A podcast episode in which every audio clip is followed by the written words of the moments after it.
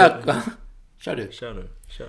Eh, Vi välkomnar alla våra lyssnare till ett nytt avsnitt av Source. Vi är tillbaka efter, eh, efter flera veckors uppehåll och då är vi tillbaka här med Merida för det årliga samtalet. Merida, klockan är 10.00. Eh, Det här måste vara det tidigaste avsnittet som vi spelar in i Source historia.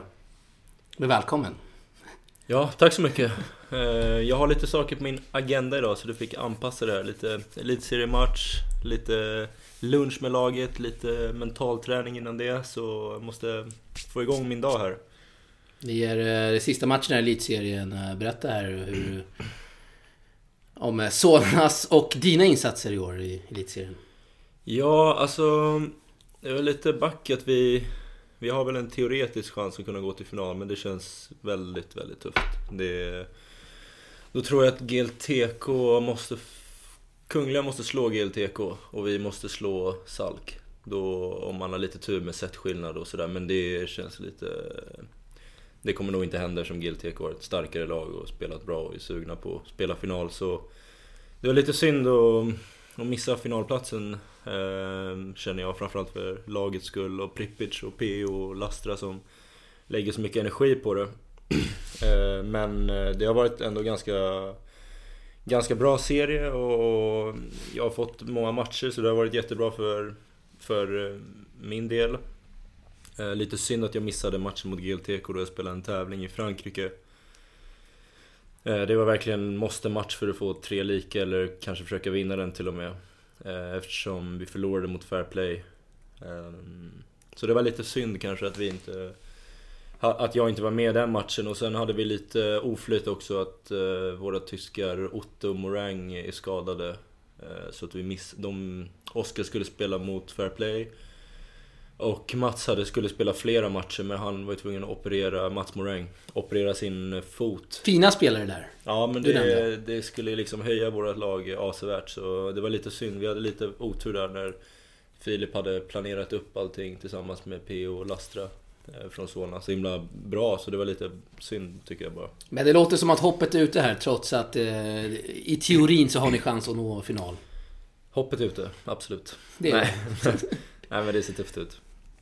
Vi, eh, vi ska prata om ditt 2019 eh, Jonathan. Eh, Vi eh, kastar oss in där i, eh, i, är det januari när du mötte Jannik Sinner i en 15 000 dollars. Och eh, han vann första set med 7-5 och du eh, retire som man säger. Skadad kan jag Ja. anta. Ja, nej. Eh, jag tyckte inte han var speciellt bra, så förlorade jag första set så tänkte jag nej skit i det här. Nej då. Det, jag hade jätteont i mitt knä. Eh, hade tränat och det kändes okej. Jag försökte lägga om mitt spel lite, försöka spela lite snabbare, lite korta ner poängerna så att det kanske hade gått och så över tid eh, blivit av med mina knäproblem. Men, men jag, väl där, matchsituation, så blev, blev det inte riktigt så som jag hade tänkt blåsigt och då behöver man ju liksom grinda så att säga. Det går inte att spela som man gör inne i inomhusbanorna i Sverige, bara serva andra slag och så är poängen slut eller gå på returer utan behöver ju spela hela poängen för att för att kunna vinna matchen. Så tyvärr så fick jag jätteont i mitt knä då och eh, jag spelade, jag tror jag hade en Ipren och en Alvedon, dubbla doser. Eh, för att kunna liksom försöka ta mig igenom den matchen då, men jag kände väl att det inte är värt det eftersom Eftersom det var första rundan också dessutom. Okej om det var en final då kanske jag hade liksom kunnat slutföra eller göra det bättre men nu känner jag det är inte så kul att börja en tävling helt Nej. eh, tokskadad liksom. Men märkte du att han var helt sjuk då? Eller första set där han vinner 7-5. Han låg 5-50 på rankingen och vad är nu? Topp 80 liksom. Jag Såg du någon potential där i Jannik. Sinner? Jo, absolut. Jag kollade ju lite alltså hans... Jag hade med mig min kompis Johan Jörnhagen eh, och, han, och så kom jag av banan och jag, jag visste, jag tänkte inte ens att jag skulle spela matchen men så tänkte jag okej det går ändå inget flyg förrän imorgon så jag kan ju försöka liksom. Eh, och så kom jag av banan och Johan liksom bara fan den här lilla grabben han, han hade du slagit liksom utan problem. Du, hade, du spelar ju på ett ben idag bara mer eller mindre.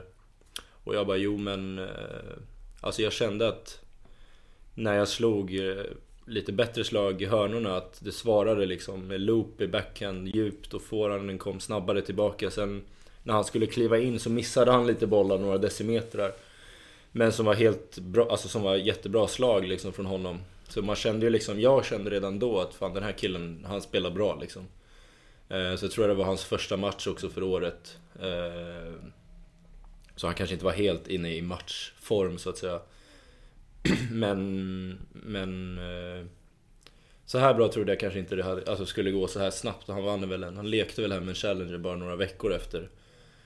Men eh, jag kände ju liksom, vad fan det här, han svarar i hörnorna och det är liksom inte så många som svarar i hörnorna så som han gjorde tyckte jag redan då. Och jag sa det till Johan och Johan var nej. Han var nej, det här, den här killen skulle du slå lätt. Eh, vilket jag tror att jag skulle göra den matchen. Men, eh, men man kände, jag kände att han hade bra spel.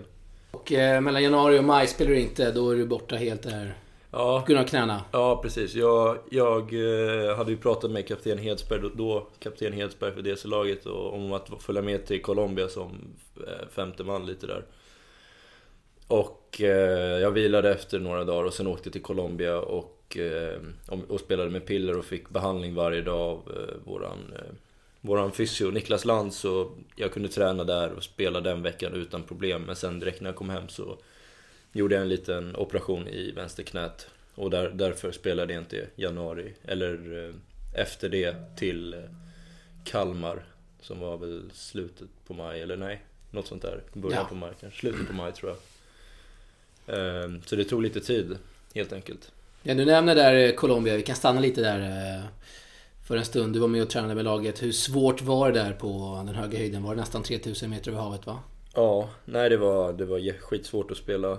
Ehm, man såg att alla hade ju problem och visste inte hur man skulle stränga, hur man skulle spela, om man skulle försöka fortsätta spela med spinn eller spela helt flackt och, och nej det var, det var skitsvårt. Men jag tror vi gjorde lite misstag då, där med, med allting.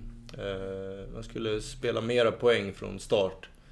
Eh, Och inte försöka leta efter en känsla, att det ska kännas bra. För det, det tror jag är väldigt svårt för eh, för spelare som inte är ifrån Colombia, som inte är vana med det där. Eh, Så där skulle vi gjort lite annorlunda tror jag. Men alltså man lär ju sig av sina misstag tyvärr. Ni ringde inte Hank alltså och frågade lite om strängning och sånt? Jag hade ju en strängare på plats där och så hade vi ju, jag mixade också lite faktiskt med lite tension och hittade på slutet att antingen man ska stränga jättehårt eller jättelöst. För om man hamnar i, som de flesta svenskarna, och alltså jag också, strängar mellan 23 och 25, 22 och 25 då, då, då funkar det inte. Om man inte är, verkligen är van med det. Men jag såg liksom till exempel han Galan strängade 18 kilo och Farah och Kabal som har natur i, si- i sina raktar, de strängade typ 19-20 vilket är extremt löst. Galan är ju uppväxt i Bogotá alltså. Ja, så han har väl nog ganska, han spelar ju bra där liksom. Eh, och Giraldo strängar ju typ 33-34 kilo. Bröt mig in där i deras strängnings, strängningsrum eh, två dagar innan matchen. Så alla killarna ändå försökte göra om strängningen lite men eh, Men det var, ja, det var, det var tufft. Jag vet inte vem som ska kunna slå det laget där i Bogotá faktiskt. Det känns ja, tufft. Vi snabbspårar till september där och eh, Glasgow Challenger. Du åker dit, du chansar, kommer in i kvalet. Slår en polack där va? Valkov. Eh, slår GTG-kamraten eh, Wendell Ken och sen får du möta då Russovori, som du tar ett set på. Som ingen gjorde den veckan. Han tappade kamp GM från åttondelsfinalen till att han vann. Mm. Vad eh, säger du där om din vecka i Glasgow? Nej, det var ju direkt efter eh, reseveckan mot Israel så då kände jag nu har jag fått en jättebra träningsvecka. Ehm, då, då ville jag spela någonstans och då stod det väl antingen mellan Glasgow eller någon annan Challenger tror jag om jag inte minns fel. Ehm, för jag hade dragit ut ur mig ur, eh, ur eh, någon Future-tävling, om det var Madrid som var grus eller något sånt där. Så då, då åkte jag till Glasgow och jag tänkte väl att jag troligtvis skulle komma in men man vet ju aldrig eftersom jag inte ens var anmäld. Så jag signade in som, som alternate, oanmäld alternate dessutom. Ehm, men alltså jag tyckte det var en, det var en bra resa, kul, kul eh, dagar där. Eh, hängde lite med Sillen och André Göransson också som kollade matcherna och försökte hjälpa till och jag kollade lite på dem. Så det var ju faktiskt kul. Ehm, och fick tre bra matcher. Och eh, din insats här mot Russovori, det kanske säger någonting om din högsta nivå. Eller? Eh, ja, alltså... Samtidigt som du ibland kanske kan ha lite tufft mot spelare. Som ligger på din ranking. Ja, Håller du med? ja. Nej men det, alltså jag tror det är för många också, det är ju lättare att spela mot bättre spelare för även om de är bättre så vet du vad som kommer. Det är, det är inget liksom... Det är inget, alltså det är procenttennis, de spelar ju Även om, alltså allt är ju högre tempo och mindre misstag och allting men du kommer in i rätt skönt, en rätt skön rytm. Än om du spelar mot, eh, jag vet inte, någon som ligger 800-900 som skjuter och spelar flakt och sen spelar de loopade bollar och går för andra servar och såna här grejer. Så du vet hela tiden vad för typ av boll som kommer så det gör det ju lättare. Men eh, det är också så att om du inte spelar tillräckligt bra då blir du ju helt utskåpad som, som han gjorde med alla andra spelare. Men jag har ju lite mera, kanske, tycker jag, än de flesta spelarna, lite mer vapen och lite mera styrkor som jag kan använda mig av. Men det gäller ju att använda sig av dem mot även sämre spelare och, och eh, vinna även i tresetare. Ja, inte bara liksom spela jämnt mot spelare utan det är ju det som är nästa steg och, och faktiskt eh, vinna också. Eh, men ja, jag kämpar ju på varje dag och ska få det att lossna mer och mer, tänkte jag. Hur svårt är det här steget att ta då? Och liksom eh, klättra på ranken och kanske hamna ja, men, eh, topp 300 och kanske komma in i Challengers och så vidare. Det är Nej, svårare än vad folk tror. Ja, det är det nog absolut. Eh, Många är ju i Sverige och liksom eh, folk eh, överhuvudtaget som inte är superinsatta i tennisen. De ser ju liksom bara ATP-finaler i typ Stockholm, går de och kollar liksom. Eh, ATP-slutspelet, Grand Slam. Och så tänker de, ja det, det där är tennis. Allt annat är ju inte tennis, typ. Så de kanske inte har så mycket koll. För en sån som Rusovo, vad ligger han? 140-150 något sånt där. Han, Ja. han har ju slagit team. Jag vet inte hur team var i skick den matchen men han har ändå slagit honom och slagit flera andra topp 100 spelare. Så jag menar, Han är en extremt bra tennisspelare. ja, alltså precis. Och eh, det är ju jättemånga, men det är ju små marginaler. Det gäller ju att få till det och även få till det flera veckor i rad. Eh, men det är ju ingenting jag känner det är omöjligt eller svårt. Jag har ju liksom hela, hela spelet för att ta mig dit. Eh, så jag känner mig inte superorolig som, som kanske många runt, runt mig, eller inte just runt mig, men många som inte är den närmsta cirkeln kanske känner ja men det här är ju kört liksom. Han är ju 24 och ligger 500 men jag känner väl inte riktigt så eftersom jag känner att jag har ett spel som, som kan komma långt. Eh, Så det gäller ju att ha tålamod även om man Även om man tvekar lite ibland men eh, Du är ung ska vi säga. Ja, ung men ändå inte så ung. Eh, Nu känner jag, det är ju dags nu. Jag, känner väl också att jag inte kunnat göra mig själv rättvist eftersom de senaste två åren har jag inte spelat ett fullt år ens. 2019 missade jag ju 3-4 månader. Och 2018 missade jag sex månader. Så jag menar, och 2017 också eh, missade jag ju sex månader av min protected ranking. Så jag menar, nu är ju första gången jag har spelat sen maj där i Kalmar. Eh, oavbrutet så att säga. Sen är man, ja, man har ju alltid lite små skavanker här och där. Men så är det ju, men inga stora Inga stora uppehåll så det känns ju väldigt bra faktiskt. Och nu har jag ju fått matcher med serien också så jag känner mig liksom redo att fortsätta. Härligt. Vi eh, ska snacka junior där. eh, Du spelade 2,25 år. Jag var med i en vecka. Det var du och Erik Arenmunga som var där och eh, lirade. Vart ska vi börja egentligen med hela den eh, resan? Det var mycket som hände där.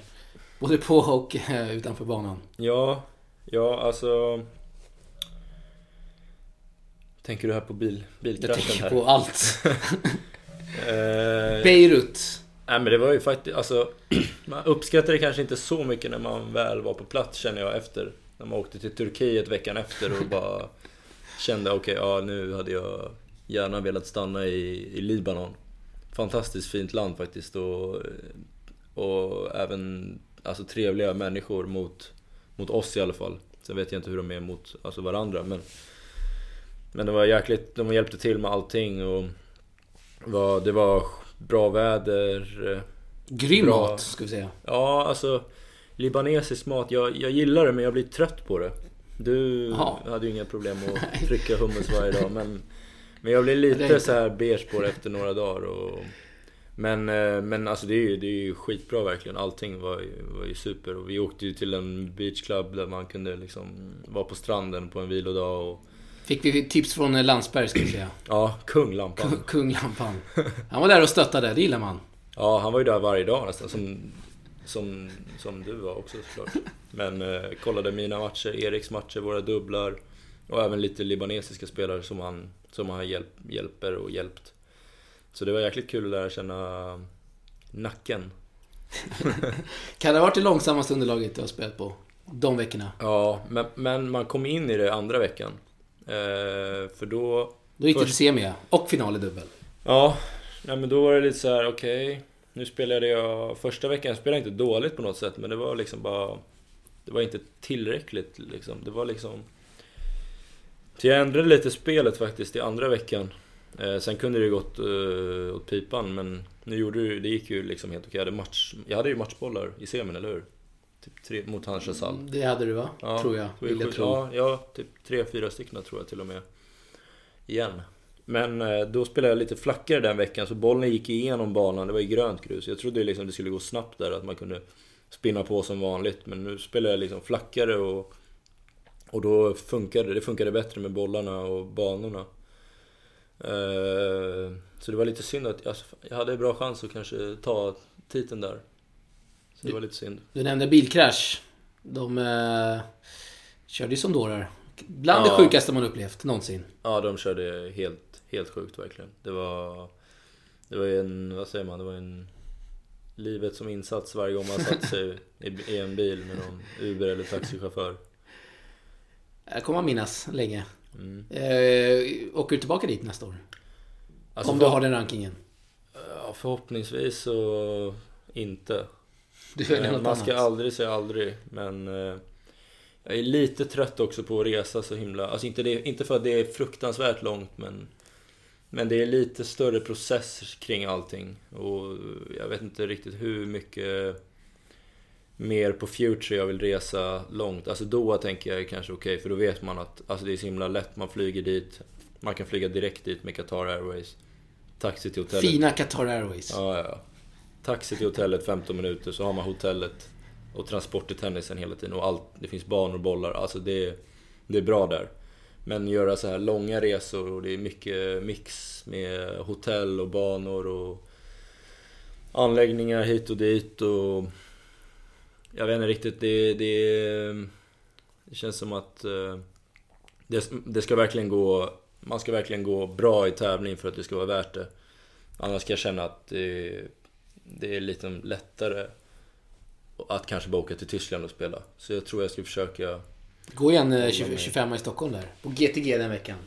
Just den Ja. veckan. Ja, nej men det var, nu efterhand var det väl lite...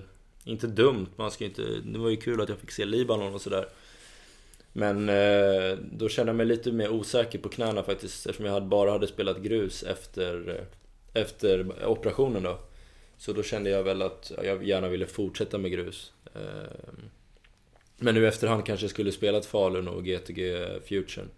Framförallt eftersom jag spelar bra på GTG-banor och, och även Falun. Men GTG, jag tränar ju där och det hade ju varit bo hemma och allting men Men jag kände väl bara att det var för knäna att jag inte riktigt ville släppa gruset ehm, just då.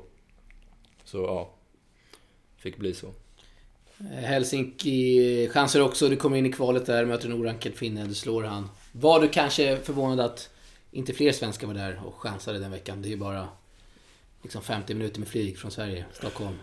Ja, alltså jag vet inte, det var ju serien samtidigt och visst, många har ju liksom bokat upp och spelat hela serien och lovat deras klubbar och sådär. Eh, för då fanns ju risk att man missar en match om man åkte dit och vann några matcher så att säga. Eh, så egentligen kanske inte eftersom typ Marcus spelar serien, Friberg spelar serien. Eh, Jag vet att han tänkte på att åka men sen så skulle jag chansa, då blev ju chanserna ännu mindre att han skulle komma in eftersom han dessutom inte var anmäld i tävlingen. Så... Och sen finns det ju inte så många mer svenskar. Nej. Alltså som spelar, som försöker spela Challenger eller som... Eller som har en ranking där man kanske kan åka och spela en Challenger. Så jag menar, jag vet inte vem... Och samma med Bergevi till exempel, han spelar också fair play, han, får inte, han och Hansson de måste ju vara där. Så, så ja, kanske inte egentligen. Vad säger du om den veckan? Du har... Eh, vi kan gå in på den direkt här. Du har matchbollar mot Escoffier, din klubbkamrat numera i Solna. Eh, 6-3 i tiebreak tredje set, du förlorar och sen... Ja, det... några, några timmar senare sitter du på ett flyg hem. Alltså hur... Jag hade precis glömt det där. Sorry, men hur tuff är en sån förlust och smälta eller grubblar man på det i flera dagar sen efter? Nej, alltså faktiskt inte. Jag försöker släppa sådär så snabbt som möjligt. Sen, jag tyckte det var jävligt surt att jag bara torsk, att jag torskade den och kanske... Det har varit några matcher så i år, där i Libanon också till exempel, där jag också hade ett gäng matchbollar eh, och eh, halvt gjorde bort mig om man säger så. Men det ingår ju i tennisen tyvärr. Eh, nej, men ingen kommer ju ge matchen till. Du måste ju ta den själv. Eh, och där får man ju inte förlita sig på, vilket jag kanske gjorde lite, tyvärr. Hoppades på att, eh, att han skulle göra misstag eller något sånt. Man får ju liksom gå för det och så... Ja, kolla sig själv i spegeln efter och tycka att ja men fan jag gjorde ändå allt vad jag kunde. Vilket jag gjorde men... Men... Eh, Alltså inställningsmässigt och sådär och liksom verkligen försöka. Men sen man, måste man ju liksom pusha sin tennis också och försöka göra rätt saker i rätt läge och, vet, och tro på det man gör. Så... Så... Nej men det, var också, det är också allting, allting handlar ju om att få matcher. Jag hade inte fått så mycket matcher. Så försöker jag ändra lite grejer i spelet, du vet. Och, och som förhoppningsvis försöker göra mig bättre och för nästa år kunna ta mig uppåt mera. Så det är ju alltid liksom grejer man jobbar på. Men matcherna är ju jätteviktigt att de är där. För det blir ett helt annat lugn när du är i matchstöt eller matchform så att säga. Och det hade inte blivit så mycket matcher. Sen skulle jag kunna vinna den matchen ändå för jag tyckte jag spelade helt okej. Okay. Men eh, det var bara lite, ja, lite tråkigt. Men jag försökte se det som positivt. Jag fick ändå två matcher och... Och... Eh, och jag hade inte jättemycket att göra hemma mellan seriematchen ändå. Så det var ju det var ändå kul att spela, spela där. Eh, och jag gav ju mig själv chansen, det är ju det man måste göra. Fin tävling Helsinki Challenger. Vi kan rekommendera en, eh, någon lyssnare att åka ja. dit, eller? Eh, ja, det gör vi. Absolut. Det gör vi. Och... Eh, vad för mål här? 2020, du är på GTG nu. Eh, mm. Jag vet inte hur din co coaching-situation ser ut exakt. Om du kör lite med coach där, men du sparar rätt mycket. Mm. Nej men jag är där eh, på GTG och tränar. Eh, det är ju grym anläggning och banor och gym finns där och restaurang och allting liksom. Det finns ett medicinskt upplägg så det är ju allt som man behöver finns ju verkligen där. Eh, så har jag min tränare Luka och eh, försöker ju få ihop allting att det ska gå ha med honom på resor men det är ju, det är ju liksom tufft. Eh, som ni hör, om man inte tar matchbollar då blir det ju ännu mindre prispengar. Så, så, men precis, jag tränar ju på GTG med ett gäng killar som också spelar Futures och, och sådär. Och som också försöker ta sig uppåt. Så vi har ju alla lite samma mål där. Eh, Vilka är spelarna här? Det är eh, Taylor? Ja, Sam Taylor, Carl Friberg, Antoine Bellier, Eh, Gustav Ström. Eh, tror han ska på college faktiskt men... Eh, det stämmer. Ja. Och Otto Virtanen är ju där och kör. Jag tror Rado Albot ska komma nästa vecka och spara lite sådär. Oj! Kanske man är där. ja. Tidig man, kul. Men hur mycket stöttar ni varandra då? Alltså pushar man varandra så att fan nu... Ja, men jag tror ändå det kan bli bättre från alla håll. Alltså det får inte vara att man... Det är lätt att när man reser på tävlingar att man, om man torskar och så kanske man blir lite nere och tänker Fan alltså det här är ju tufft, bla bla bla, det är andra som är bra men liksom Vi måste på något sätt alla i svensk tennis vara liksom lite råare och lite tuffare. Jag känner det lite för mycket mes, meseri tyvärr från nästan alla håll, även mitt håll. Eh, man ser liksom fransmän eller ryssar eller eh, spanjorer eller vad som helst. De liksom... De, de, det är de, de går först liksom, sen kommer de andra. Eh, att man är lite mera ego, lite mera... Alltså det här, det här är liv och död lite. Att man är lite tuffare och inte gnäller så mycket och... och våga tro på sig själv för det är ju ingen annan som tror på den så då får man ju liksom ta tag i det själv känner jag. Eh, och därför tycker jag alla svenskar faktiskt ska lära något och då inklusive jag såklart. Ehm, för det är ju som sagt, ingen kommer ju ge matchbollar eller matcher åt, åt en, man måste ta dem själv. Lite mer ego alltså på... Ja, när det gäller det då? Alltså, ja, när det gäller vi på banan. Sen på banan? utanför är ju alla svenskar hur schyssta som helst och det är ju... Alla är ju polare med alla, mer eller mindre. Ehm, så när det kommer till träningar och tävlingar, att det ska vara lite mera kamp varje dag. Eh, det känner väl jag. För alltså, killar utomlands på Future när det är match, alltså de ger inte bort någonting. Även om man spelar tiebreak, de, de, alltså på träning bara, de, de vill inte förlora det. Kan vara lite, man ger bort lite för mycket i... Vi svenskar känner jag generellt, att vi är lite för snälla. Det är bra eh, ord här från... Eh, Ja, det Det- vet jag inte, men det är väl bara så jag, så jag känner och ser på det lite. För vi är inte sämre i tennis än någon annan nation. Vi har ju Oftast när man ser svenskt, det ser ju jäkligt bra ut tycker jag ändå. Alltså det är ju, slagen är ju där och alla är ganska atletiska och bra kroppar och för, för tennisen. Så jag menar, det är ju, Jag tycker inte andra länder är bättre än svenskar. Så det är, det är inte det det sitter i tycker jag, tekniken eller något sånt där. Så det är ju, ja. Vad känner du är den största utmaningen just nu i din tennis? Finns det någon sådan? Ja, alltså... Det finns ju lite liksom, men det är ju... Det är ingenting som är... Säger man, worth having comes easy. Säger man så? Så Jag vet inte. Kanske man jag tror det, det är väl något, det är något så engelskt klassiskt quote. Men... Men alltså jag ser inga riktiga... Alltså det är utmaningar men det är inga hinder om man säger så. Ja, nu frågar du inte om hinder heller men det är ju inga så här... Det är inget som känns omöjligt eller inget som känns allt för tufft för mig eller någonting. Jag är ju redo för allt och det mesta. Om man säger så. Men det är ju självklart det största är ju bara att hålla mig någorlunda skadefri så jag kan spela regelbundet som ja, konkurrenterna gör. Eh, De som är ute där och spelar 30 veckor om året. Det är ju det som krävs på den här nivån för att ta sig upp. Eh, För eh, ja, spelet har jag ju, så det är jag inte så orolig för. Så det är bara vara tuff och vara skadefri helt enkelt. Och du kommer spela nu i december också ska vi se i Doha. Två futures där. Ja, precis. Eh, precis, två tävlingar i Doha eh, för att avsluta året. Så, så då är vi några svenskar där. Eh, Simon Freund och Karl Friberg. Är det något mer? Jag vet inte. GTG-spelare. Sam T. Kommer Taylor? Nej, Nej, det jag tror det blir Turkiet för honom. Eh. Den var ganska tuff faktiskt då. Det är, jag var typ 14 i kvalet på, nej i huvudtävlingen på 5,80. Eh, första sidan är väl typ Goncal, Oliveira och...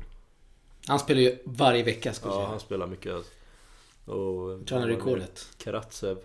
Och sist in är väl typ så här 600 typ. Så det- de är ju tuffa för att vara 15 000 tävlingar. Men samtidigt, jag gillar ju att möta bra spelare så det känns ju bra också. Eh, Det är bara att slå dem. Blir det pre-season sen eller vad händer där i januari 2020? Vi får se lite. Jag eh, känner väl att eh, jag har ju varit skadad innan och tränat, tränat, tränat. Jag vill ju inte bli en träningsspelare. Det är dags att bli en matchspelare. Och man kan ju träna hur mycket man vill men men just nu känner jag att jag vill spela direkt i januari för jag har inga skador, inga... Inte så att jag känner mig inte tillräckligt bra fysiskt för att klara fem matcher på en vecka. Eh, visst, det är ju alltid saker man kan jobba på men det kan man jobba på under tävlingar också. Eh, om det är backhandretur eller djupledsspel eller andra server eller vad som helst. Så det går ju alltid att utveckla vart man än är i världen. Eh, så jag, jag, vet, jag känner mig mer motiverad för att spela tävlingar direkt och kanske under jul, nyår träna och sen ut och spela egentligen. Så jag känner väl just nu i alla fall eh, mig redo att spela men får vi se lite efter Doha. Eh, om man kan slänga in någon vecka med träning också eller sådär. För jag känner ju, alltså jag, vi, jag har inte egentligen råd att köra en preseason på 4-5 veckor som kanske ATP-proffsen gör. För För då tappar man ju tid och poäng och allting.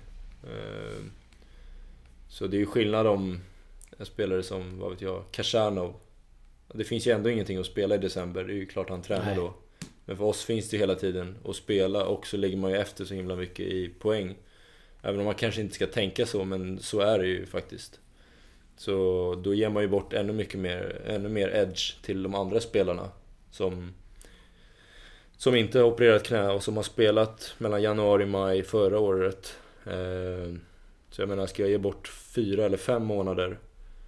Eh, det känns ju liksom, hur ska jag då kunna ta mig ner? Okej om man ger bort en månad, det är ju, alla spelar ju kanske 10-11 månader men jag kan ju inte ge bort fyra månader eller fem månader. Då kommer jag ju absolut inte ta mig upp. Om man inte rensar och vinner varje match man spelar. Så, så känns det bara liksom eh, spontant här nu.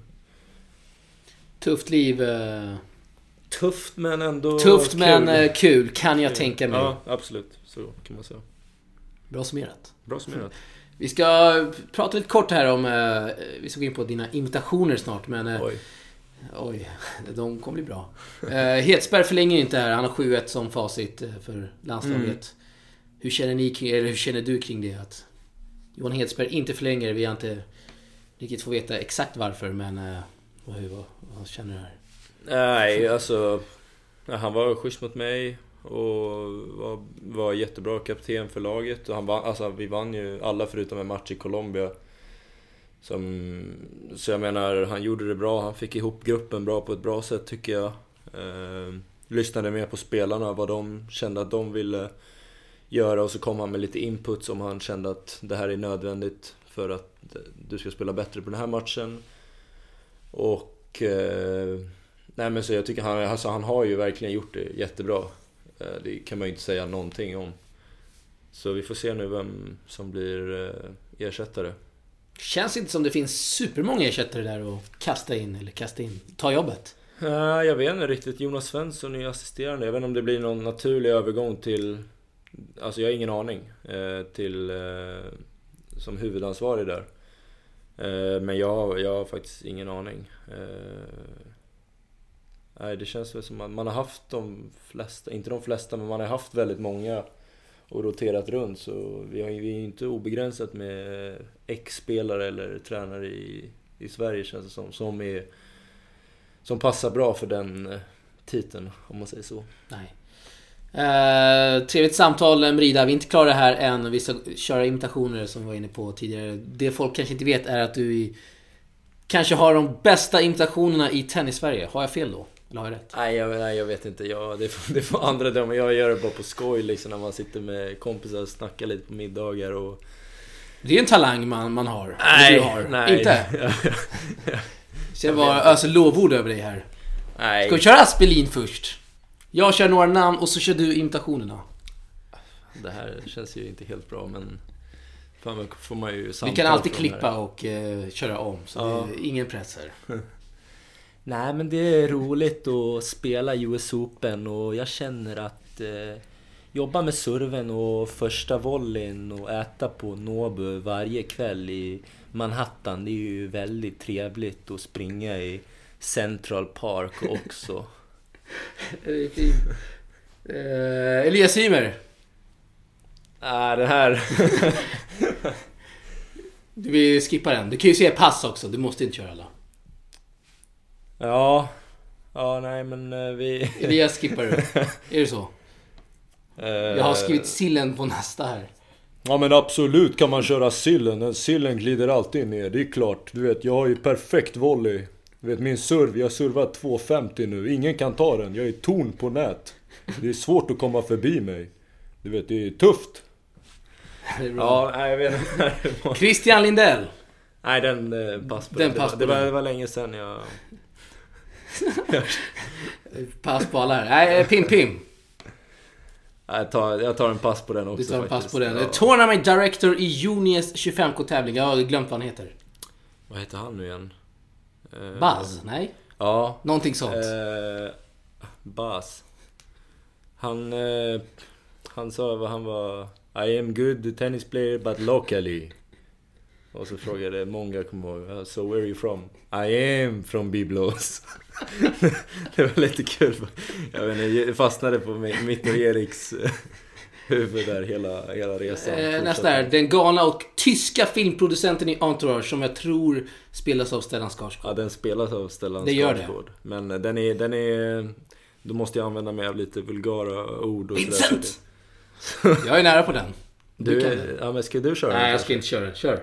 Nej, jag, jag, den, är, den är tuff att bara slänga ut så här Oj, oj. 10 på morgonen. Kasper Rud. Ja, det egentligen funkar grejt med min far nå och min pappa tränar mig nå också. Det føles bra egentligen och in och på topp 50 allerede. Så det är gøy. Nej, det var... Norskan är inte på plats Ja, den är, riktigt, den är okej, känner den är jag. okej. Dominic Teams fystränare Douglas Cordero. Den måste Nej, köra. Den, den får ju du köra, den kan ju du. Äh, Där, go, enda han skriker. Verkar ju funka ganska bra Det då. verkar funka. Uh, du kanske får ett till försök här i kommande avsnitt och uh, fila på dina imitationer Jonathan, för de Ja. är väldigt bra. Ja, jag, kan jag förstå att man eh, känner en viss press här för våra det här är tusentals lyssnare. Äh, Så många har vi kanske inte, men Snart. några lyssnare har vi kanske ändå. efter de här, det här Kanske efter det här avsnittet. Uh, får se om det kommer en Ymer då och en Lindell. Och Pim Pim som du sitter inne på. Eh, de är riktigt feta. Eh, Jonathan, eh, stort tack för att du kunde komma idag och köta med oss här när Source gör comeback efter ett längre uppehåll. Hur känns det själv? Nej men det känns bra, så säger jag inte som alla andra hade sagt. Så jag säger varsågod. Bra. Mm. Eh, En sista grej, du ska få köra en låt här. Vilken väljer du? Eh, Jag kör den som Federer gick in på i Mexiko här fram, framför 42 000 så jag vill gärna ha Oh! Karate Kids You Are The Best. Den slänger vi in här. eh, magiskt intro där. Uh, fick man lite gåshud. Ja, den har man sett några gånger. Den har man sett några gånger. Vi eh, hörs vidare helt enkelt. Stort tack. Varsågod. Och vi tackar våra lyssnare som eh, är med oss och eh, vi är tillbaka snart igen. Ciao!